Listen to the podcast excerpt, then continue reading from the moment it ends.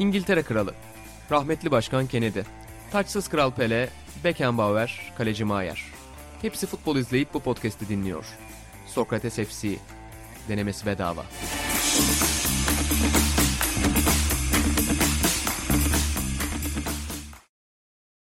Sokrates FC'den herkese merhabalar. Ben İnan Özdemir, Atan Altınordu ve İlhan Özgen'le birlikte podcast'imizin yeni bölümüne hoş geldiniz efendim. Geçen hafta Salernitana konuştuğumuz bölüm çok olay yarattı. Hakikaten bir haftada telefonlarım susmuyor, mesajlar susmuyor. Ve yine yenildiler. Yine yenildiler arada. Napoli'ye yenildiler. Fakat şunu söyleyebiliriz ki muazzam bir futbol. evet. Hatta yani çok gururlandığım bir şey de oldu. Demek ki Salernitana gündemine böyle yön veriyoruz. Sevgili Orkun Çolakoğlu ki Salernitana Napoli maçını anlatıyordu. Dedi ki ya Salernitana anlattım dedim. Dedi ki işte bana onun maçla ilgili bir şey anlatıyordu. Dedim işte biz de bahsettik falan. Aynen sizin podcast'i dinledim zaten dedi. Yani böylece hiçbir şey de olmasa bile Salernitana'da bir referans noktası olmuşuz. Türkiye'nin en iyi maç spikerine bir referans olmuşuz. Buradan da Orkun'a ilk ama ayarlama yaptım. Ondan sonra ama maçı izlerken çok üzüldüm. Çünkü Bir insana. yani son dakikalarda dönebilirdi o maç. Evet. Sen haber verdin zaten İlhan Boğa bana direkt maçı kaçırma evet diye. evet. Yani bütün şeyleri iptal edin dedim. Randevuları 8'de Serie A programına atıp. Cidden baba. Bir de şeyi de konuştuk dinlediysen Atan. Yani şey. acıyor insan. Ne acıyor? Ribery'e. Hani adam bir şey yapmaya çalışıyor ama karşılığını alamıyor. Ferrari Ribery. Evet Atan da dinlememişti. Ha bence. dinledim yahu. Dinledin mi? Dinledim tabii. Baba hem Ata lokantası yoğun Evet. hem de Atan'ın akşam saatlerinde Aynen. e, ajandası her zaman Sokrates FC'ye ayrılmamış olabilir. Evet. Hayır ben çıktığı gün dinledim. Çok keyifle dinledim. Arada bize de laflar çakılmış. Onları da duydum. Keyifle dinledim. Ata senin Ama- için de önemli. Sen bir şey söyleyecektin. Şey Türkiye'nin en iyi spikeri dedin Orkun'a. Araya böyle bir şey katmak istiyorum. Tabii. Arkadaşımız diye değil. Can Önduygu. Bir yükselen yıldız. Çok beğeniyorum Can Önduygu'yu. Gerçekten çok Sabaha beğeniyorum. kadar överim bu insanları çünkü hakikaten yani benim her şeyden önce hepimizin herkes, her şeyden önce arkadaşlar olduğu için çok mutluluk veriyor onlardan maç dinlemek. Şey var bazen. Tabii işte Orkun büyüğüm benim de Can benim akranım olarak da beni çok mutlu ediyor. Bazen bakıyorum hani in- Twitter'da görüyorum işte Can Önduygun'dan. Normalde izlemeyeceğim maçı Can anlatıyor diye izliyorum ki yani öyle Can benim yakın arkadaşım falan da değil. Ben Can Önduygu'yu bir buçuk senedir falan herhalde görmedim. Hani arkadaşlıktan dolayı Özlüyor söylemiyorum. musun? Özlemiyorum öyle bir yakınlığımız yok ama kendisini beğeniyorum. Böyle giderse sesini özlerim. O da bir de etkisi Kadıköy Anadolu'dur baba. Ya, okul beş para etmez de. Aa, kendi okulunu kendi okulunu eleştirmekten çekinmiyor boş ama okul. Ata Ve bu- ve bu- liseci değildir. Ve bu köklü okulların öğrencileri okullarına çok bağlıdır biliyorsun. Ata öyle değildir. Evet. Ya değil insanlar yani. kendilerini bir şeyle ifade etmek için yapıyor onları. Bir aidiyet, kendilerini bir ayrıcalıklı görmek için seviyorlar okullarını, kurumlarını. Boş işler bunlar. Hayda. Bence Bize, söyle, kapamalısın. bize hiç söylenecek bir şey kalmadı baba. Aynen. Ama Ata için de önemli bir gün. Ayın 5'i Ata. Ata lokantasında yoğun bir gün vardı. Boş ver. Eskiden Öyle ayın mi? beşini severdik artık en sevmediğimiz gün. Baba ödemeler, oluyor e, biraz. re- masraflar şunlar derken. Neyse ki ben... Eskiden ayın beşini niye seviyor? Eskiden de ödeme alıyorduk ayın beşinde yani. Ben de Ata'na bugün destek olma adına tava köfte söyledim. Aa parasını almadık. senden. Ayran söyledim. Evet. Evet ben parayı ısrarla vermek istedim fakat Neyse, ısrarla boş- almadınız. boş. Benim için de daha bir iyi daha- oldu. Bir dahakini alırız kalmaz. Ata lokantasında kimsenin borcu kalmaz. Kimsenin borcu kalmaz dedi. Dergimizi de hatırlatalım. Ata burada görmüşken. Sokrates derginin yeni sayısı kapağında tabii ki Amerikalı basketbolcuların olduğu. Ata'nın en sevdiği. iyi Atan kapak. oku, atan Çok bir iyi kapak. okuyucu olsaydı Çok iyi alırdı. Çok iyi. Ya almazdım da çok iyi kapak. Yani Niye NBA oyuncuları var diye mi? Kapağa göre dergi alan biri olsaydım Aha. bu kapağı görünce almazdım NBA mi ama dergi sonu yazıları okurken de söyledim. Hani başta be- benim gözüm korkutuldu biliyorsunuz basketbol okumayı sevmediğimi. İşte ata yarın şu kadar NBA yazısı gelecek şu sayfa bu sayfa bilmem ne. Ben hepsini okumaktan keyif aldım. İsmini veremeyeceğim yani vermemin yakışık almayacağı bir abimizi çok ukala buldum hiç sevmedim. Ama onu da okumak keyifliydi. Yani güzel güzel NBA yazıları, röportajları var. Şu an meraklandım. Evet. Ya röportaj yapılan bir adam çok çok çok ukalaydı. Benim yaptığım röportaj mı? Peter Vessi. Amerikalı gazeteci. Şey böyle duayen muayen. Aynen, aynen, o adam. Tamam onu onu sevmedim o adamı. Bu arada o adamı yani e, sevmek zaten zor genel anlamda. Sert bir abi. Yani birebir de bana çok iyiydi de yani NBA tarihindeki yeri biraz sert. Genelliğin yönetmenimizle yaptığın röportajı çok beğendim. Aynen o da çok, Ryan McDonough. Phoenix. Çok güzel. Generallerle röportaj yapmadık. Generallerle birlikte onu da düzeltelim. General, hani sanki- Genelliğin yönetmenimizle birlikte yaptığın Helal röportajı olsun. demedim mi? Helal olsun. Onunla birlikte yaptığımız Ryan McDonough röportajı. Ben şunu söyleyeyim efendim. Kapakta NBA var. Dükkan.sokrates'ten alabilirsiniz.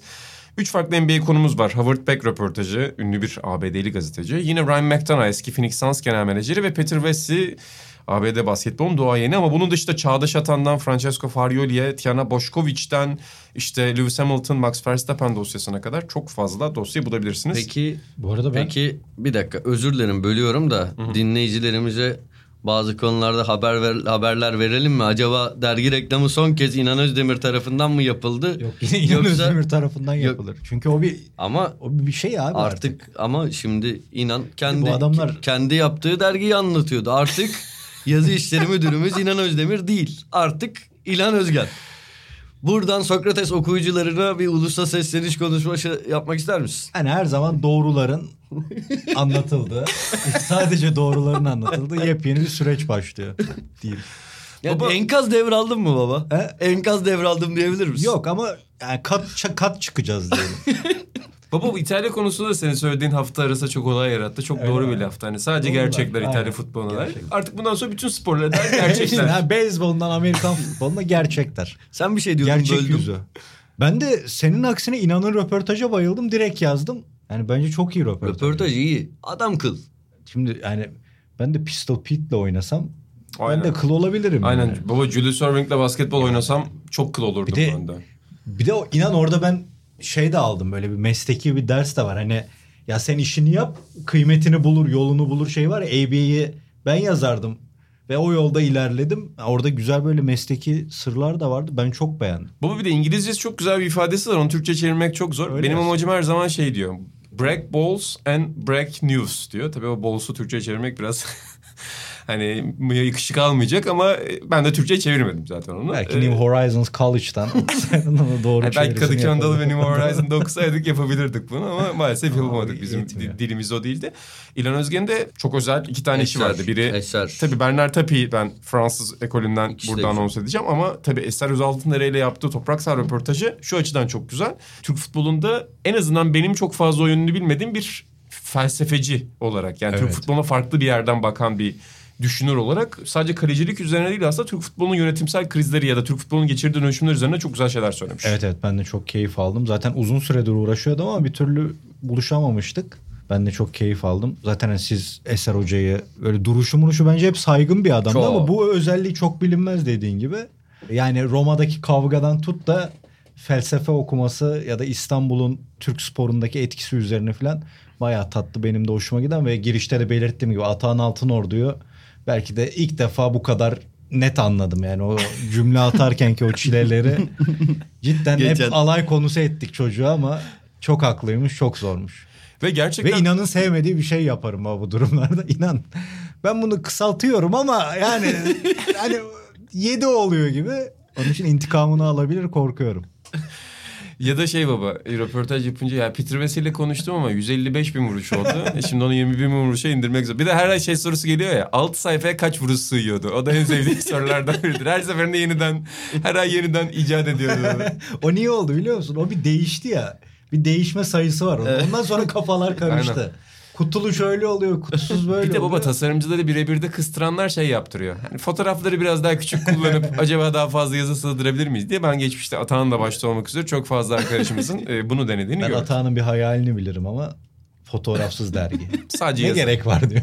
Önemli olan yazı diyor. Burada New Yorker öyle çıkıyor biliyorsun. Al işte. 100 yıldır New Yorker sadece çizim koyuyor. İnşallah bir gün Sokrates de bizim vizyonumuza ulaşacak. Bu arada Ata sana bir şey soracağım. Eser Hoca deyince hakikaten. Şimdi Eser Hoca'nın söylediği şey bu kısmı çok güzel bu arada. Hani mesela kalecilikte pas öne çıkıyor diyor. Uygulamadan yani bunu düşünmeden benim takımıma uygun mu diye alıp uyguluyoruz diyor. Türk futbolunda en büyük sorunlardan biri bir şey görüp almak diyor. O tespitler çok güzel. Fakat okurken ben küçüklüğüme döndüm ve Galatasaray Roma maçını bir daha hatırladım. En sinirlendiğim futbol olay- olaylarından biridir ve küçükken. Bir de hani küçüklüğün gazıyla orada olsam falan diye böyle düşün. Sanki orada olsam ne yapacağım yani. Ama Capello'nun Türk futbolundaki yerini de değiştiren bir andır herhalde. Kesinlikle katılıyorum. Aslında ya şey de bir yandan da son dakikada yenilen bir gol var. Zaten o sene son dakikada yenilen Şey- goller. Florkin'le Mondragon'un anlaşamadığı. O İstanbul'daki İstanbul- maçta İstanbul'daki da- maçta. o Emerson'un golü. Evet evet haklısın haklısın. Burada Vay be kafa- yanıldık. Ha, evet evet hatırlıyorum. Altınordu. O da çok üzücü bir pozisyondur. Yani orada Ya ben şeyi orada öğrendim ilk kez. Bırak demenin futboldaki Evet, önemini. şey o bayağı zaten Halbuki Mondragon Fransa'da da oynadı. Fransızca da biliyor olmasın. bir de hemen böyle çıkarım yapılırdı baba. Florkin Fransızca biliyor mudur? Fl- Florkin Uruguaylı. Florkin Fransa'dan gelmedi mi size? Evet, Nant'tan Yanlış gelmedi mı? mi? Yok. Yanlış mı Yok hatırladım? Nant'tan gelmedi. Galatasaray Sanki o. Perez, Florkin, ya Perez zaten Evet, Fransızdı Perez da. öyle de vallahi Onların ben- hepsi Fransa'dan bir paket aldığınız gibi hatırladım. Özür dilerim. Ben öyleyse. Florkin'in- Tüm Türk halkından özür diliyorum öyleyse. Baba bizden sonra Fransızca öğrenmiş olabilir. Hmm. Bizden sonra Ren'e gitmiş. Eğer Nereden gelmiş peki? Sturm Graz'dan gelmiş Galatasaray 2002'de. Ha bu arada ulan doğru hatırlıyormuşum ha. Sturmgras diyecektim. Aynen. Emin olamadım. Ama doğru futbolun futbol olduğu yerde öğrenmiş. Defansor'da öğrenmiş Aa. baba. Defansor'da temeli almış. Gerçek. Defensor'da Sporting. Aynen 96-99. Bu arada yani bu, galiba bu podcast'imizin konusu dergi reklamı olacak. Yok, Der-. Ama Çağdaş Atan ve Francesco Farioli de mutlaka okunması gereken Kesinlikle. İki- Biri Aran'ın, biri Aran'la Buğra'nın evet röportajları. iki çok iyi röportaj. Çok çok beğendim onları da. Avrupa'ya şuradan Tahsis bağlayacaktım. sırasında Ee, hakikaten şey yaptım. Hani Tasi, böyle- Tasi demişken İlhan Baba senin atandan bu sayıda öğrendin. Yani belki de senin bu göreve gelmenin, benim görevden alınmamı sağlayan bir olay oldu. Evet. Ama onu programın sonuna saklıyorum. Tamam. Gazetecilik dersi öğrendik atandan. Ben ondan sonra Ve taşlar görevimden... yerinden oynadı. Aynen ben görevimden alındım. Ama öncesinde Avrupa'ya bir dönelim. Şimdi Avrupa dedik. Ben Galatasaray Roma maçını oraya bağlayacaktım. Şimdi moderasyonu yapmışım, düşünmüşüm, tasarlamışım. Sen araya girdin hata ve işime karıştım burada. Şimdi seyircilerimiz de taraf belirtecekler sonra belki gerginlik çıkacak ama... Yazı işleri müdür, müdürlüğünü beceremedin. Gittin. Bari şu moderasyonu daha iyi becer de burada kalıcı ol. Evet Avrupa gündemine geçelim burada. Avrupa Şampiyonlar Ligi ve UEFA Avrupa Ligi'nde çok önemli karşılaşmalar oynandı. Toplu sonuçları vermeyeceğiz burada belki ama e, öncelikle tabii ki Türk takımları üzerinden başlayalım istersen. Tatsız bir başlangıç oldu tabii. Yani Beşiktaş'ın hem gruptaki performans şu ana kadar kötü hem Sporting maçı çok tatsız geçti. Ama Galatasaray maçı Galatasaray kazanamasa da iyi bir oyun ortaya koydu belli bölümlerinde maçın. Heyecan verici bir maçtı. Fenerbahçe ise çok net bir galibiyet aldı Antwerp karşısında. Nereden başlamak istersin? Sen söyle birinden başlayalım. Fenerbahçe maçından başlayalım istersen. Fenerbahçe'den başlayalım. Fenerbahçe'yi bu sezon gördüğümüz en iyi akşam, en iyi yani bu, bu sezonki en iyi maçı Fenerbahçe'nin. Dünkü maçtı gerçekten keyif verdi. İki hafta önce burada konuşurken zaten şunu Sen da yanlış hatırlamıyorsam Hı hı. hem fikir olmuştuk öyle hatırlıyorum. Bu takımın sabra ihtiyacı var. Tabii ki sadece sabra değil yani bu, bu takımın bir bazı yani bazı şeylerin oturmasına şöyle de ihtiyaç var. Sürekli kadro değişiyor. Yani Fenerbahçe'nin bir belki ideal 11'e olmasa bile bir ideal 8'e 9'a ihtiyacı var. Sürekli değişiyor oyuncular. Bu bence performansı biraz düşüren bir faktör. Ama yani dün müydü maç? Tabii dündü. Dün hemen hemen herkes oynayabileceğinin en iyisini oynadı. Mesela bence yani Sosa artık güvenilir bir oyuncu değil. Hala kaliteli, hala teknik, hala oyun görüşü çok yüksek. Hala zaman zaman sadece Sosa'nın ve Sosa gibi oyuncuların atabileceği paslar atıyor. Ama bunu yaparken hani 3 maç 4 maçta hiçbir şey yapmıyor. Ama dün çok yorulana kadar ki yani yaşı 36 maça damga vuran oyunculardan bir tanesiydi. Mert Hakan Fenerbahçe'ye transfer olma sebebi şöyle maçlar oynamasıydı. Ben ilk defa bu kadar efektif gördüm. Niye gülüyorsun? Estağfurullah. E, Mert Hakan hani maç öncesi bir de kaptanlık pazubandı ondaydı. Galiba bir kere daha olmuştu. Tam emin değilim de bir şaşırdım ya dedim hani bu kadar şey mi? Belki o kaptanlığın da etkisiyle ekstra sorumluluk alarak çok başarılıydı. İrfan Can çok öne çıktı. İrfan Can zaten hani sorumluluk deyince İrfan Can geliyor aklıma. İrfan Can'ın bir de tüm o sorumlulukları alırken çok böyle rahat bir görüntüsü var. O da çok hoşuma gidiyor. İkisi hatta şunu da söyleyeyim. Onların ya bu iki oyuncunun Berisha ile uyumu. Buradaki yani üçlü arasındaki yeri yer yer telepatik anlaşmalar çok ümit vaat etti bence. Tabii hani bir sürü sorunu var Fenerbahçe'nin ligden veya önceki Avrupa Ligi maçlarından hani görüyor gördük. Bir anda pes pembe bir tabloda çizmeyelim şimdi. Ama hani görüntü çok dünkü görüntü çok pozitifti. Şey aynı şekilde Meyer e, o da yani tartışmalı bir isim. Hani sonuçta şey çok büyük beklentilerin olup da geleceği yere gelememiş oyunculardan bir tanesi. Artık ya Fenerbahçe'den öncesi için konuşuyorum. Fenerbahçe'ye gelirken tartışmalar yaratmıştı. Hani o adam olmadı ki gibi. Ama dün yani olmuş haliydi sanırım. Goller zaten çok güzeldi. Ona Evet, söyleyecek. golü çok jenerik. Hepsi çok jenerik gollerdi. Haftanın en güzel yani o Avrupa Ligi belki hatta Şampiyonlar Ligi'ni de katarız. Yılın En golü güzel- diyorsun. Yılın golü değildir de bu haftanın en güzel golü diyebilirim. Sadece son vuruş değil hazırlanışı. Hazırlanışı çok ilk güzeldi. oraya geliş Mert Hakan. Bu arada Galatasaray maçında da öyle bir pozisyon oldu. Yani Galatasaray'ın golü de çok güzel ayrı da gol dışında böyle kısa kısa paslaşmalar en son ceza sahasına aşırıldı. Kimdi? Halil'di galiba son vuruşu tam istediği gibi yapamayan hatta şeye gittim 2008-2009 UEFA Avrupa Ligi sezonunda Benfica Benfica'ya Galatasaray öyle bir gol atmıştı. Arda, Ümit Karan, Ayhan üçlüsünün geliştirdiği bir pozisyonda o gole çok benzeyen daha da fazla paslaşma içeren. Evet benim Galatasaray'ı en beğendiğim birkaç sezondan abi. biridir. Skibe bol. Ee, çok çok çok beğenirdim. Orada Ee, B ile şey E düşer skip ball diye. Skip bol baba. Bu arada hani şey de söyleyeyim. Gerçi bunda herkes hem fikir olmuş durumda gibi görüyorum ama Katılmıyorum. Mesut ve Mesut ve Gustavo'nun sakatlıklarının Fenerbahçe'ye pozitif bir El dönüşü oluyor gibi. Evet. Şey mi baba? Metin Özgen tabirlerinden midir? El freni. baba. Bir de Ewing Ama teori şey yapar. vardır. Patrick Ewing sakatlanınca New York'un filmine çıktığı sezonla ilgili Bill Simmons'ın Atahan da oraya vurgu yapmış oldu biraz da. Ama Fenerbahçe'ye dair yorumlarım bunlar. Kısaca peki Galatasaray ve Beşiktaş'tan da geçelim. Sonra Atalanta dosyasını açacağız. Çünkü İlhan Özgen'i ben uzun Niye? süredir bu kadar... Fenerbahçe'yi konucu Galatasaray'la Beşiktaş'ı niye kısa geçelim? Fenerbahçe Onlar de da kısa bizim geçmiş oldu. güzide kulüplerimiz. Keşke, Galatasaray maçında- keşke Trabzonspor'umuz da Roma engelini aşabilseydi. Trabzonspor'u da burada masaya yatırsaydık. Evet Jose Mourinho neyse ki bir destekçi kazandılar. Jose Mourinho Instagram'da sürekli yorum yapıyor onlarla ilgili. Great ball falan. keşke diye. sezon biraz daha ilerleseydi Trabzon'un şansı artardı. Roma başladı şeye çünkü o kadro yetersiz. Doğru Roma'nın Roma'nın daha iyi olduğu dönemdi bir de. Daha iyi oynadığı dönem. Daha, daha kompakt. dinçtiler en azından. Sen Galatasaray dedin, gol pozisyon dedin. Sana golden başlayarak soruyorum. Sana podcast'ten önce de konuştuk. Feguli topa vurdu. Kerem'sin, Kerem sağda. Sana verse boş kaleye atacaksın ama arkadaşın jenerikleyip bir gol atıyor.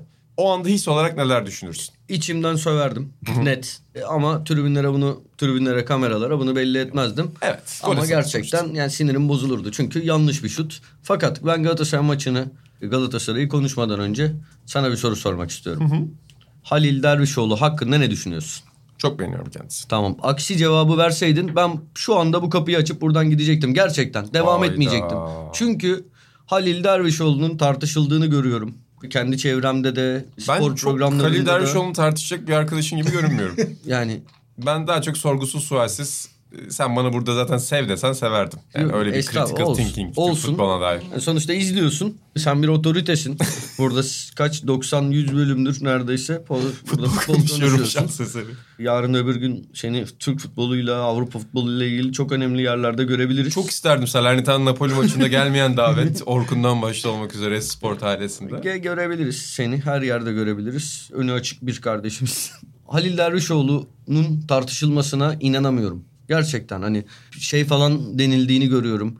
Ya işte biz bunu mu hazırlıyoruz kulübüne? İşte geleceği varsa var ki bence yok. E, Ama işte ge- geleceği varsa bile bugünleri harcıyoruz falan. Yani takım oyununa bu kadar etkili forvet ben Galatasaray'da çok az gördüm ve hani bu tarz oyuncular tür olarak söylüyorum. E, yoksa seviye olarak da bir söylemiyorum şu an için ama tür olarak da dünyada çok yok. Mesela aynı şekilde mesela Ciro biliyorsun ne kadar sevdiğimi beğendiğimi Ciro hep tartışılır. Ama hani takımına katkısı etkisi aslında tartışılmayacak bir oyuncu. Halil'i de öyle görüyorum. Sadece bir, biraz bitiriciliği ki aslında o ya vuruşları çok iyi. Adam hep bir karış farkla gol kaçırıyor. Çok güzel pleseleri bazen zaman zaman uzaktan şutları falan var. O bir karışlar bir karış içeri girmeye başladığında buna bir özgüven bir artık oturmuş ezberler şut mekanikleri ve psikoloji. Gerçi özgüveni söyledim zaten. Özür Aynen. dilerim. Kendine güven, Kendine, özgüven. Hatan olsa Kendimi yuvarlar çeker girdim. onu tahsite tekrar. Yani golcü şansı. Golcü, golcü şansı. Bunu bazen ya sözünü kestim. Atan sen analizini devam edersin tabii ki Buradan kardeşim ama Esra ile vedalaştık. Evet, Seni onu da- dinleyemedim. Tasite Atan baba bazen şey yapıyor. Onu da sen de görüyorsundur. Bu cümle olmamış. İki cümle çiziyor. O şey diyor yani. Ulan bunun yerine bir cümle düşün. Onu Evet, yapma evet, sebebimi şimdi burada açıklarsam konu dağılır. Yapım öyle Devam. olması gerekiyor diye Bazen düşünüyorum. o yazdığını böyle acayip şekilde karalayıp bir şey yok yazıyor. Ha. Tassih yok bir şey yok. Tassih yok. O da önemli. Sonraki cümlede anlıyorum çünkü ne yapmaya çalıştığını. Her neyse. Peki Halil dışında Galatasaray genel olarak nasıl buldu? Halil'i bitiremedim. Ama Devam et Halil, Olsun tamam bitsin burada Halil. Bitsin. Galatasaray'ı Avrupa'da zaten çok iyi bulduğumu anlattım. Dünkü maç olağanüstü zevkliydi. Olağanüstü zevkliydi. Yani iki taraf adına da şey hariç Lokomotiv Moskova'nın böyle felaket bir şekilde yatıp zaman geçirmesi haricinde ki hakem de buna düşük IQ'lu bir insan olduğunu belli ederek çok kesinlikle e, Uzatma vermedi yo- senin istediğin kadar. Uzatma vermemeyi bırak verdiği uzatmayı da oynatmadı. Gerçekten hani Senin en sinirlendiğin konudur hakemlikte. olay.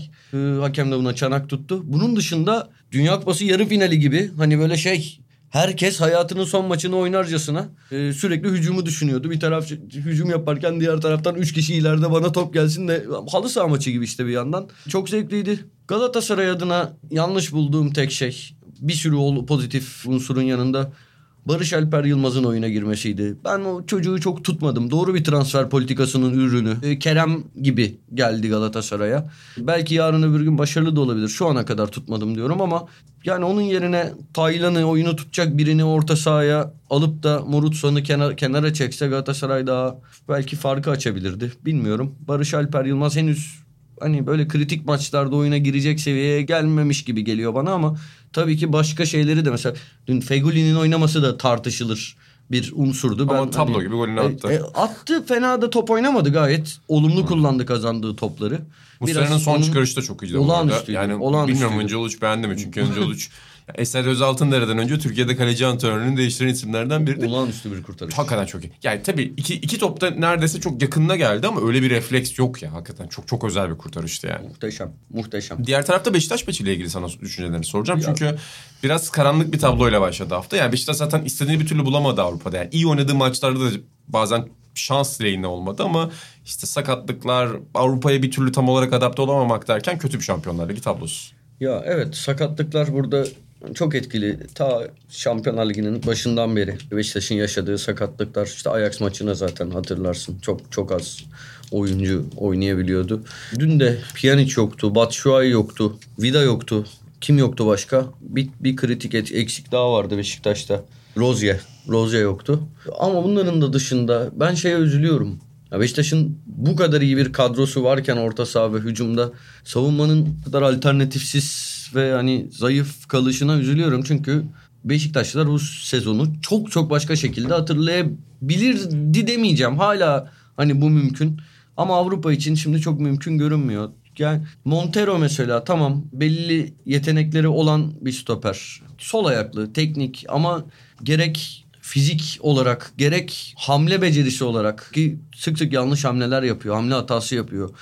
Gerek hız olarak hani Beşiktaş'a zayıf kalıyor. Wellington desen herhalde Beşiktaş'ın o geldiğinden beri yediği gollerin yarısında falan Wellington hatalı geliyor bana. Ben mi artık öyle görüyorum bilmiyorum ama Beşiktaş'ın bu yani Necip bu ikisinden de daha etkili geliyor mesela bana ki Necip'in ne kadar yetersiz bulunduğu kamuoyunca hani ortada diye söylüyorum bunu.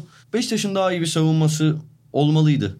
Bu Beşiktaş'a dair konuşulacak şeylerin yüzde sekseni bence bu. Son gün bak Pjanic mesela ne kadar muhteşem bir futbolcu. Ben isterdim ki son gün Pjanic yerine bile hani bir tane kalbur üstü bir stoper nasıl ki Fenerbahçe'de Zalai var, kim var? Hatta bu sezon Tisserand'ı da beğeniyorum. Galatasaray'da Marcao, Nelson demin bahsederken Galatasaray'dan hiç söylemedik ama Marcao şu an Van Dijk'ten falan daha iyi geliyor bana. Yani inan inanılmaz oynuyor. Pandeyke sorsan o da öyle der. Yani şey Van hedefliyordur Marka gibi olmayı. Neyse şaka bir yana.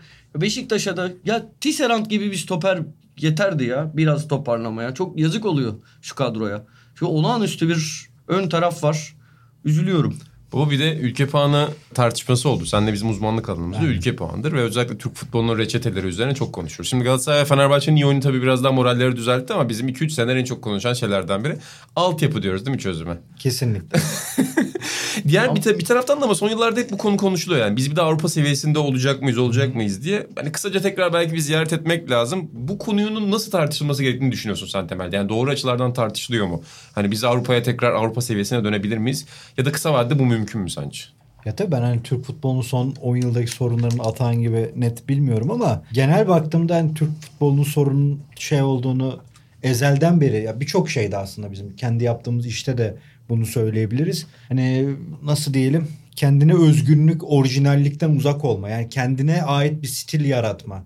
Bu her şeyde var yani. Hani biz yaptığımız işte de bir şeyi alıp kopyalamaya daha yatkınız. O sektörde de o var, futbolda da o var ve kendi stilini yaratamama ve yıllar geçtikçe böyle bir sorun ortaya çıkıyor. Yani ondan al ondan al şişen bir sistem ortaya çıkarmış.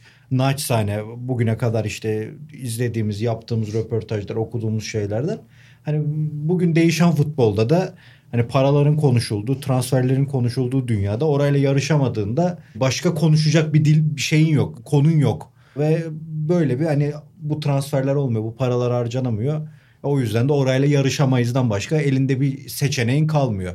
E onu da o transferleri yapamayacağına göre ki ben Atahan daha iyi bilir. Yani hani Pjanic tabii ben biliyorum da şimdi Beşiktaş'ın yabancıları çok da kötü yabancılar da değil. Hani yabancılar eskisi gibi gelmiyor diyoruz ya Beşiktaş'ta alınabilecek iyi yabancıları alıyor ama yine işte orayla yarışamıyorsun. E burada da hani altyapının hani artık dediğin gibi cılkı çıkmış durumda ama bir yandan da başka bir çözümü de yok gibi. Zor bir şey ama onun temelinden çok eksik olduğunu ta yani bu son 10 yılda 20 yılda olan bir şey değil yılların Türk futbol sorununda hani kendine ait bir sistem yaratamama, kendine ait bir ta, e, kendini tanımlayamama sorunu var bence. Bir de hani bir zamanlar parayla kapatabildiğin şeyleri şimdi bazı transferlerle kapatsan da artık hiç kapatamıyorsun. Gerçekten Şampiyonlar Ligi'nden çok uzak görüyoruz biz artık. Şey Sadece Beşiktaş örneğinde de değil yani. Şu anda Galatasaray'ın transfer politikası iyi ve hmm. olması gereken bir politika.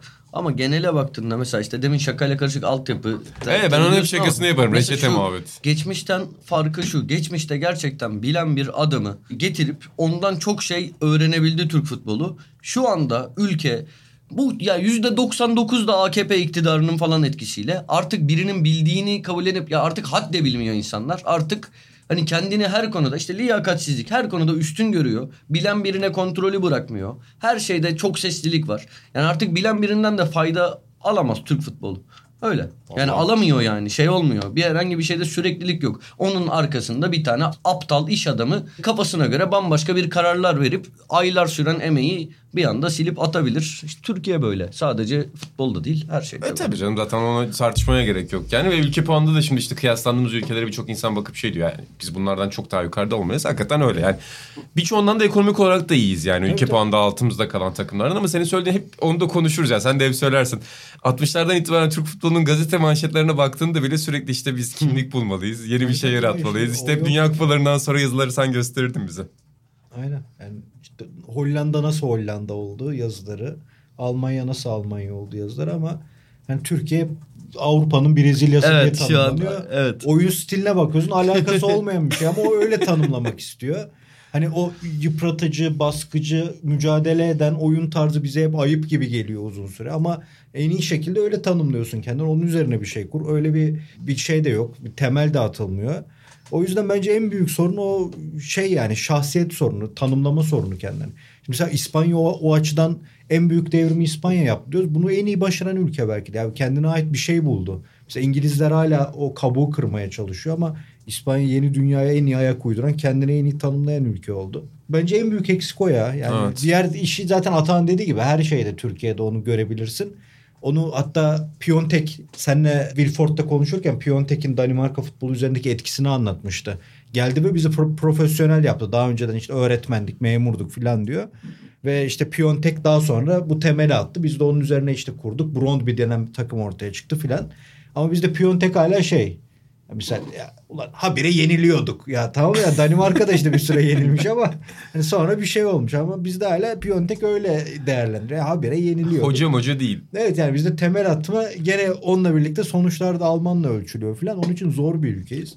Dediğim gibi yani en mantıklısı senden bir adamın bir şeyler kurup öyle Türk futbolu dediğimiz cidden hani Türk stiliyle bir şey kurup onun üstüne devam etmekmiş ama o artık yani olacak iş değil bence bu kadar düzensizlikten sonra. Evet. Senden bir adamdan kastın e, Fatih Terim ya oldu atıyorum örneği mesela Sabri. Kiraz diye bir hoca vardır ya eskiden. Hı-hı. O bunu çok diretir. Mesela 60'larda 70'lerde kendimize ait bir stilimiz olmalı. Şimdi Sabri Kiraz'ın o zaman bu sistemi kurduğunu düşün. Türk futbolu tanımlaması şusu busu işte Özkan Sümerler'in sonra gelen jenerasyonda ya da Serpil Hamdi Hoca'nın bir şey kurduğunu düşünelim. Ya o zaman çok rahat ederdik ama dünyada bütün ülkeler kendi stillerini bulmuşken, kendi oyun tarzlarını bulmuşken bunun üzerinden yıllar geçtikten sonra Türkiye'nin hala bunu çabalaması hani tren biraz artık geçti diyorsun. Hiçbir şey için geç değil. Geç değildir. Hiçbir şey için geç değil. İspanya'da vaktiyle bunu düşünseydi bugün İspanya olamazdı. Bunu unutma. Sıkıntı bizde yani birçok insan da yazıyor işte galiba Onur Özgen'in yazısında da vardı. Yani bizde zaten sorunun kendisi çok fazla düşünülmediği için e, öyle pansuman yapmaya devam ediyor. O yüzden biz seninle gelecek sene işte burada oturalım tekrardan. Atan bize işte o haftaki maçları yine analiz eder. Biz üzerine şey deriz yani kurtuluş altyapı Altyapı. yatırım yapacaksın ne kadar deriz yani. yani. Tabii ki dalgasını yapıyoruz ama trajikomik bir şey olduğu için dalgasını yapıyoruz. Bu arada özür dilerim bu kadar Piontek demişken Sokrates FC'nin ilk bölümlerinden bir tanesinde işte şimdi her Berlin'de oynayan o zaman Milan'a transfer yapan Piontek'i konuşuyorduk. Valla çok olumlu şeyler söylemiştik. Yanıldık. Ne yüzle bugün burada hala podcast yapıyoruz onu da bilmiyorum ama hiç olmadı o çocuk baba. Babama çocuğa sen taptın o zaman. Ya işte Sen sakin ol dedim. Ya Yapma ben- dedim. Evet. Belotti örneği var önümüzde. Evet. Öyle. Bu Aklıma arada baba geldi. onda bence sadece çocukta suç yok. Milan dünyanın en zor kulüplerinden biri. Evet. Orada çok öğüttü. fa- forvetsen 9 Evet. numarayı giymeyeceksin abi. Çok çok öğüttü. Ondan önce de Portekizli çocuk da aynısını evet, yaşadı. Evet. Andres Ya şimdi İbrahimovic'in o karizması olmasa onu da eleştirirler. Yani bir de ta- geçmişi olmasa tabii takımla filan. Çok zor bir şey Bu yani. çocuk yoksa, Genoa'da çok iyiydi ya. yoksa Almanya'da çok da kötü oynamadı misal ikisi de Silva'da o da yani ama Milan'da formayı giysin 10 maçta 30 gol atsın takımı sırtlasın. Bir de takım da kurgusuzdu organizasyon yoktu. Bütün onların da etkisi var onlarda yoksa kalite olarak kötü bir oyuncu değildi ama işte ondan bir sene önce uçan Belotti de işte Avrupa Şampiyonası'nda gördüğünüz seviyesi. Baba Milan dedim bu arada. İtalya tarafından ben Avrupa'ya bağlıyım orada. Çünkü son yıllarda biraz bu tepe takımlar dışında da hani kendi stili olan, kendi şahsiyetini yaratan takımlar çok konuştu. Atalanta da bunlardan biri. Evet. Ve çok da güzel bir maç oynadılar Manchester'a karşı. Hatta grup boyunca yani Manchester'a karşı iki maçta da belli bölümlerde oyunun üstün tarafıydılar. Ama Sokrates FC'nin en özel oyuncularından alıntılarıyla, yaşam stiliyle, yaptığı çalışmalarla hep Sokrates FC'de andığımız Cristiano Ronaldo acayip iki tane gol. Kitaplarla. Ya inanılır gibi değil. Yani o son golere ya bu maçta şöyle bir golle maçın berabere bitmesi inanılmaz canı sıkmıştır muhtemelen Atalanta tarafının ya. Son gol ama tam şey Atalanta onu Çok mu yapıyorlar? Tabii tabii ya o Buğra'nın tabiriyle 80'li yıllarda İngiltere milli takımının yediği goller. Topu bir türlü ceza sahasında çıkaramayıp birinin noktayı koyması. Ya o iki maç Atalanta yani yıllar sonra şimdi bir tane arkadaşımız geldiğinde genç bir çocuk ya bu Atalanta'yı övüyorlar da niye bunlar şampiyon olamadı dediğinde bu iki maçı izletsek Örnek mi? cevabını alır. Aynen. Yani Atalanta o yüzden şampiyon olamadı dersin. Şimdi hücum kurgusu top ayağındayken felsefesi yani bütün gün Atalanta ile Ajax top oynasa Atağın altına orada dükkanı falan bırakır gider o evinde maçı izler. Hani o top ayağındayken hücum felsefesi muazzam bir takım. Topu ilk anda karşılama, ani pres yapma muazzam bir takım. Ama rakip onu yani takımı ceza sahasına ittiği anda orada olacaklardan kimse sorumluluk almıyor. Yani onun için Manchester iki maçı da gördük. Zaten ilk maç tamamen bir yani Türk takımı falan öyle maç kaybeder. Tam bir Türk takımının kaybedeceği maç o İngiltere'de. 2-0 öne geç. ikinci yarı serseri toplarla duran Tamamen toplarla dağılıyorsun. falan dağılıyorsun. Hı hı. Geçenki maçta tamamen öyle ve Atalanta o bahsettiğimiz iyi futbolu, mantalitesi güzel futbolu oyuncuların formda olduğu zaman daha da keyifleniyorsun. Mesela İliçiç geçen sene özel hayatı falan da devreye girdi. Çok tatsızdı, çok tadı yoktu ama bu sene tekrar o ışıltıları görüyoruz. Hem ligde hem Şampiyonlar Ligi'nde. E, Zapo acayip futbol oynadı. Sonra Muriel'le ikisi işte top taşıma, kontralarda çok keyifli anlar vardı. Bekler şöyle böyle tamam.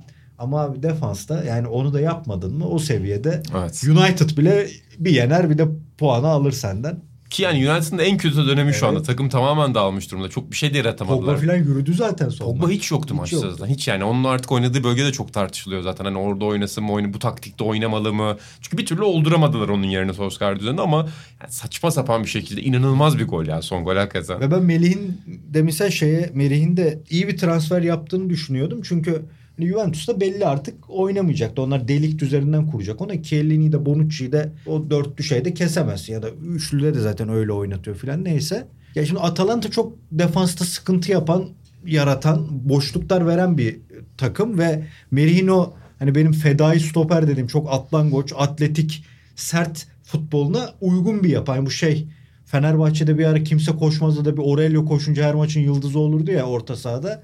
Tam öyle bir durum Merih için oluşmuş olabilir diye düşünüyordum. United ilk maçının ilk yarısında bu oldu tam da. Defansın arkasına Evet. atılan 3 topta Merih Evet. atletizmi sertliğiyle pat pat pat müdahaleleri yaptı. Sonra Ama mesela son maçta da Merih o düzensizliği yüzünden hatalar yaptı. Lazio maçında da Immobile bayağı sarstı onları. Yani üzücü. Biz çocukken filan da Zeman'ın takımları böyleydi. Foggia'sı Moggia'sı. Baba full hücum düşünürdü. Arkası acayip hatalar yapardı. Bir ısrar Atalanta ediyor değil mi öyle. savunma kurgusunda? Tabii Aynı tutuyor. öyle bir şey yok. Yani Hı hı. öyle bir der. Ye- Inter'de... yedi, yediğinden fazlasını atmak üzerine kurulu bir sistem. Geçen sene öyle 3-2-4-3 Aynen, bir tabii, sürü maç vardı. böyle. Inter'de ondan zaten tutunamadı. Inter üçlü oynamaz. Doğru düzgün dört savunma kur falan yaptılar adamı. ya renktir. Güzel bir şey tabii ki ama işte ya bir yandan da neden o ödülü alamadığını, o kupayı alamadığını da aslında kanıtlayan bir şey. Yani çok tutarsız bir takım. Ne yapacağı belli olmuyor o yüzden. Oynadığı futbolunda zaman zaman böyle kaybettiğin puanlara baktığında hiç gereği. Yani alabileceğin çok net iki maç. 6 puan alabilecekken bir puanla çıkıyorsun. Gerçekten çok Yani acayip. o da e, tabii futbol hep yani biz biraz dilenciyiz yani biz güzel oyun adamıyız da ama şimdi puan da alman lazım bir bakıma da yani. Hani. Öldürmen lazım maçı bir yerde. Aynen, yani biraz da Salernitana gibi olman lazım. Ya, gerçekten öyle. Salernitana burada çok doğru bir örnek oldu. Bu arada bir tane var incelemesi vardı maçta. İzlerken atağını düşündüm. Orkun da o maçta da şansın Orkun vardı. E, Orkun bana söyledi önce podcast konusu dedim. Tam Zapata'nın golünde hakemin bayrağı direkt kaldırıp 5 dakika inceleme yapıp çocuğa sonra sevindirmesi. Aynen. Abi bırakın adam sevinsin sonra incelemenizi yapın. Vara dair sinir bozucu şeylerden biriydi bu hafta. Ama herhalde en sinir bozucusu bu değildi hata. Ya birincisi sana katılmıyorum. Hı hı. Bu yani hani derler ya futbolun azizliği falan. Hani varın Sahanın azizliği. değil mi Sahanın azizliği de var. Hani şey Futbol. olunca futbol hani çok iyi oynadın. Bir Avrupa takımına karşı son dakikada saçma bir gol yedin. Böyle futbolun azizliği diye de bir tabir oluyor. Yağmurun azizliği oluyor. Sergen Yalçın'ın sözü gibi soru dedi ya. İlk defa ben kullandım bunu. İnanılmaz bir sözdü. Topun canı vardır mı ne öyle bir sözdü değil mi? Şöyle düşünüyorum. Yani no, gol sevincinden sonra bayrak kalksa ama o zaman da boşuna sevinmiş olacak. Bir de gol sevinciyle geçen süre futboldan azalacak. 5 dakika değil bir dakika falan sanırım bir inceleme oldu. Sen da mübalağa, olur o. İnan öyle. 15 derse tarihi 15 Ee, geçer. Aynen. Şey çok daha sinir bozucu. Offside'dan atılan hayır. Offside'dan atılan golün geçerli sayılması. Hani böyle bir ihtimal var sonuçta. Bu çok daha sinir bozucu. Diyorsun ki bütün var tartışmalarına Ama cevabım olacak? budur diyorsun. Ne olacak? İnan. Sen bilimsel metotlara inanan, olaylara bilimsel yaklaşan, bilimle yaklaşan bir insansın benim bildiğim kadarıyla. Her şey zaman içinde e, Oturacak. daha iyiye gidiyor. Hayatta bir şeyler önce doğuyor. Her yani her şey gitmiyor tabii ki daha iyiye de. Sonra o teknoloji gelişiyor. E, evrimleşiyor ve en iyi formuna ulaşıyor. Var. Ama ben henüz zamanı bir dön- bebek. döngüsel bakıyorum ben zamana Ha, biraz. Yani var bazen bazı bebek. şeyler çember gibi bakıyorum. Bazı şeyler iyileşir, bazı şeyler kötüleşir evrimde. Birçok şey kötüleşiyor. Gene ben o yüzden o lafımdan geri döndüm. Hani ya, kendimi yanlış ifade edecektim o lafla ama var için konuşursak çok yakın gelecekte. Robotlar yönetecek maçı. Sen hep Ya o, söylersin. o, o Uzay inşallah olur. Kupası. İnşallah o inşallah olur. Ee, robotlar yönetir. Çünkü hakemlerin genelde kafası çalışmıyor. Çok istisna. Bugün mahkemeye verecekler. Ama öyle şey 3 saniyede onun offside olduğu anlaşılacak. Çok yakın gelecekte. Peki diğer tarafta ne düşünüyorsun? Şimdi Ajax Dortmund senin takımın bu hafta oynadı. Abi rez- rezil bir kırmızı kart. Rezillik ya kı- inanılmaz, Ben inanılmaz. aslında Dortmund'la iyi başlamıştım Ha, maça. evet. Yani Ajax aslında ilk maçın başında o kadar da iyi değil ya. Dortmund o golü atabilirdi. Yani Bellingham'ın kaçırdığı kafa falan çok acayip evet, pozisyonlar. Evet. Bu Gerçekten arada boş. Bellingham'ın şeyi de bir tane. Çok güzel topu alıp çalımını atıp böyle şandelli hafif plase çok güzel bir şutu da var öyle kaçan. Rezil bir kırmızı kart. Herkes şaşırdı yani. Ben dönüşümlü izliyordum Beşiktaş maçıyla. Bir yandan da açmıştım. İki ekranda izlediğim bölümler de oldu. Kırmızıyı gördüm. Aha dedim böyle dikkat kesildim. Ha dedim iptal olacak. Hummels çok rahattı böyle ellerine şey yaptı. Tamam diyor. Sakin ya babalar diyor. Sohbet ediyorlar Bir şey zaten. yok ne de ol, ne de olsa iptal edilecek az sonra diyor. Hiçbir hani emare yok kırmızıya dair. Verdiler. Yani çılgınlık delilik bu. Delilik yani. Öyle. Ve yani sonra da maçı Önce iki- Dortmund attı bir tane Evet, penaltıdan. Sonra maçı ikinci yarıda çözdü Ajax. Hepsini de sağ kanattan çözdü Evet. zaten. Anthony. Üç Antony, golde de- 3 golde de. golde de acayip. Anthony yavaş yavaş Anthony'nin geleceğinin çok iyi olduğundan emin olmaya başladım. Şüphelerim vardı. David Neres de çünkü çok güzel çalımlar atıyordu. Hızlı şey böyle kopup kopup gidiyordu falan Yeni ama bir yerde tıkanıyordu David Neres. Hani çok iyi bir kariyer hani muhteşem bir kariyerin onu beklemediğini anladığımız bir yer vardı. Anthony öyle olmayabilir. Anthony gerçekten işte gene Yeni Overmars diyor baba. Ya da bir ötesi yeni Cruyff oluyor. Yeni Cruyff baba. Yeni Eddie Merckx bisiklette de o vardır. Sa- sakatlık da feciymiş baba direğe vurma. Ha yok. Onunla ilgili bugün çok komik Yalan bir caps kepsler kepsler dolaşıyor. Öyle mi? Alçılı öyle Tadic de hatta galiba şey diye açıklama yapmış hani gerçek bir fotoğraf değil hatta ben hani arkadaşla konuş şey baktım durumuna iyi görünüyor falan diye bir açıklama yapmış galiba. O açıklama da bana çok gerçek O evet, gelmedi. evet, Yani emin artık ben değilim Türkçe ondan da. okudum. Yani Cristiano Ronaldo ile tanıştıktan sonra Türk futbolu Twitter'ında hani Ronaldo üzerine yapılan şeyden sonra sorgulamacı ama 5 ne 1 K'yı devreye sokuyorum bir şey gördüm. PCR testi tam bir saçma. Favori Ronaldo açıklama.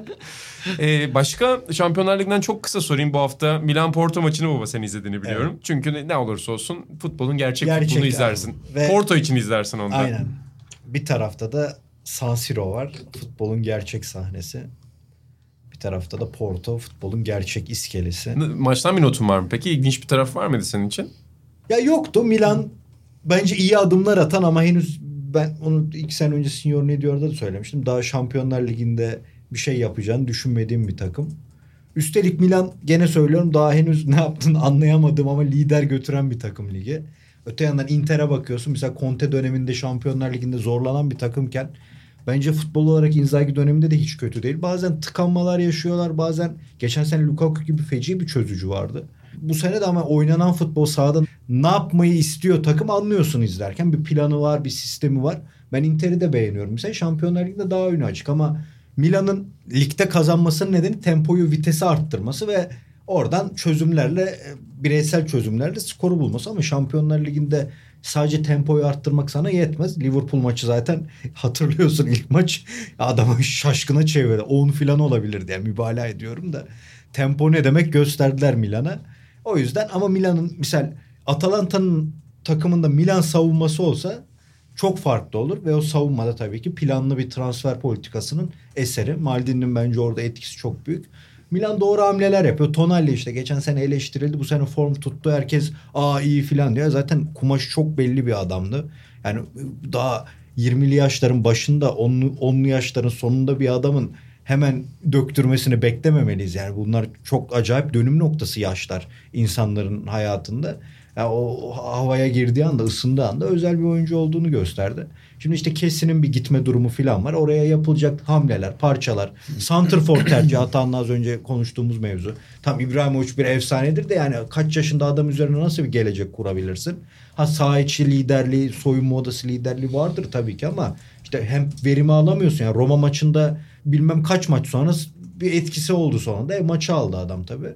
Yani Milan'ın daha gidecek yolu var ama fena gitmiyor yolu. Planlı gidiyor. Onun için ben elenmesine şaşırmadım. Milan Inter maçında e, neler bekliyorsun peki? Ee, şey yok. Hernandez yok. Hernandez yok. Doğru sol bek yok. So Hernandez. Hernandez. Hernandez. Kart cezalısı. Teo. Değil mi? Kart cezalısı yanlış hatırlamıyorum. Valla cez, Özür cezalı diliyorum olduğunu- öyleyse ama cezalı, cezalı olduğunu olduğunu O kritik bilmiyorum. bir şey Milan için. Yani dediğim gibi Milan maçı bir türlü alıyor. Ama futbol olarak tercihimi sorarsan Inter evet. Yani Hakan bile son zamanlarda form tuttu. Ben beğenmem Hakan'ı. Çok ne istediğini bilen bir takım gibi oynuyor Inter. Ama e, Inter'in bo- bocalama dönemleri oluyor. Milan oralarda o bireysel yetenekleriyle işi çözerse Milan maçı alabilir. Çünkü Milan'ın savunması önceki senelere göre daha oturmuş. O işi daha iyi bilen, sonucu alabilen bir takıma dönüştüler. Bu çok önemli İtalya zaman. Hernandez kart cezalısıymış bu Doğru arada baktım. Teşekkür Fact ederim. checker ya. İnanılmaz bir şey. Buğra yokken. Evet, ama o da önemli bir eksik bir yandan. Yani ben dediğim gibi ben Milan sempatizanıyım tamam ama Inter yani biz Atahan'dan öğrendik objektif olmayı.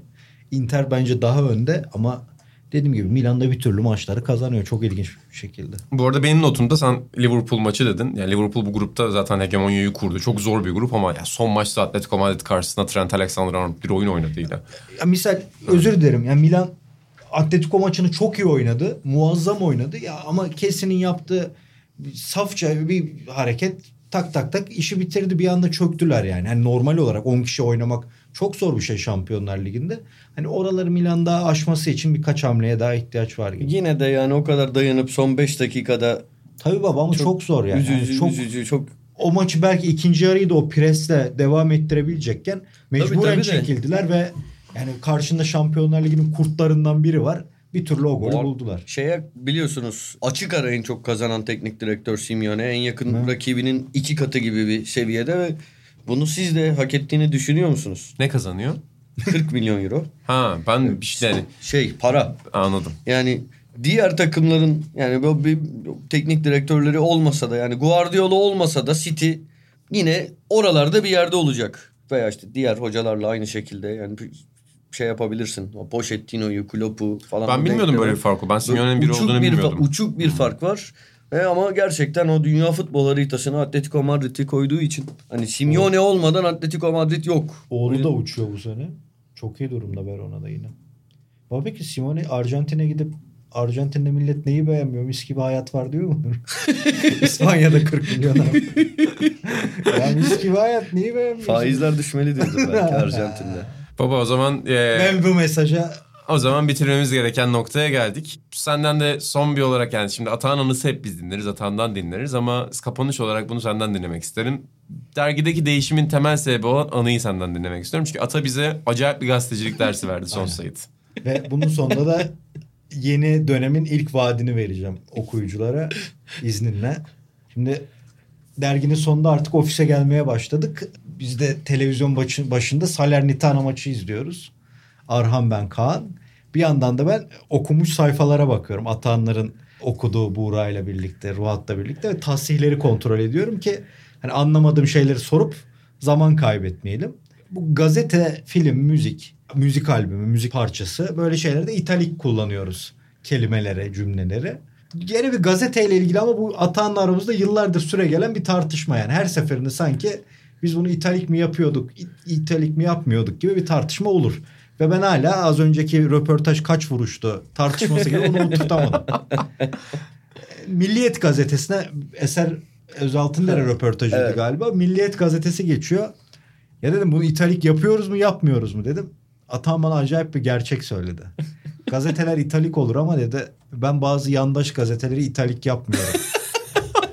Yani öyle bir ders verdi ki o an her şey durdu ofiste. Ondan sonra da bu değişim oldu. Ya baba gerçekten benim Ya bu sırrı ben öğrendiğim için o göreve getirildim. Sen öğrenseydin orada kalacaktın. Ya benim uzun süredir tüylerimi bu kadar diken diken eden bir tespit olmamıştı gerçekten. Peki yani şu an okuyucularımız bu sürprizi okuyucularımıza bırakalım o zaman. Gazete adı italik mi değil mi yazıda? Yani şöyle ben bırakıyorum. Ee, Bizim insafımıza ba- bırakıyorsun sonra. Evet belki benden sonra Buğra okuyor. Unuttuğumu düşünüyor. italik yapıyor falan ama ben bazı gazeteleri gazete değerlendirmesine katmayıp Yakın dönem üzerinden özellikle yakın dönemde Evet. yaptıkları E- politikalar evet evet neticesinde. evet evet. Vay be. Öyle bir şeyim var. Tavrım Yani sessiz sessiz Ben cidden tavır. doğru hatırlıyormuşum. Bazı gazeteleri cidden yapmıyormuş. Ya yap- ya- Ama ya- nedeni yap- buymuş. Bunu ben sorgulamadım bile. İşte yeni nesil olduğumuz için biz yani sorgulamadan kabullenen gerçeklik. Atağına güvenmişim ama arkasında böyle bir düşünsel bir süreç olduğunu bilmiyordum. Ben Sessiz kısa süreli protesto. dondum zaten ekran başında. Acayip bir şey yaşadım. Yıllardır uyguladığım bir politika kendi kendime.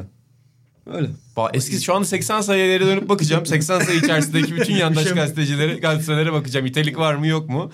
Bütün Sokrates okuyucularına da bunu tavsiye ediyorum bu sayıyla birlikte. O zaman kapatıyoruz. Vaadimle kapatalım. Bundan sonra Bundan sonra değil yani en kısa süre en kısa zamanda olabildiğince çabuk Atahan Altınordu'nun dev projesi olan uzaydaki Dünya Kupası yazısı bu dergide yer alacak. o kütüphanede yıllar sonra arandığında o, o an var ya beni orada yakalamıştı ama o gün kabul etmediniz o yazıyı.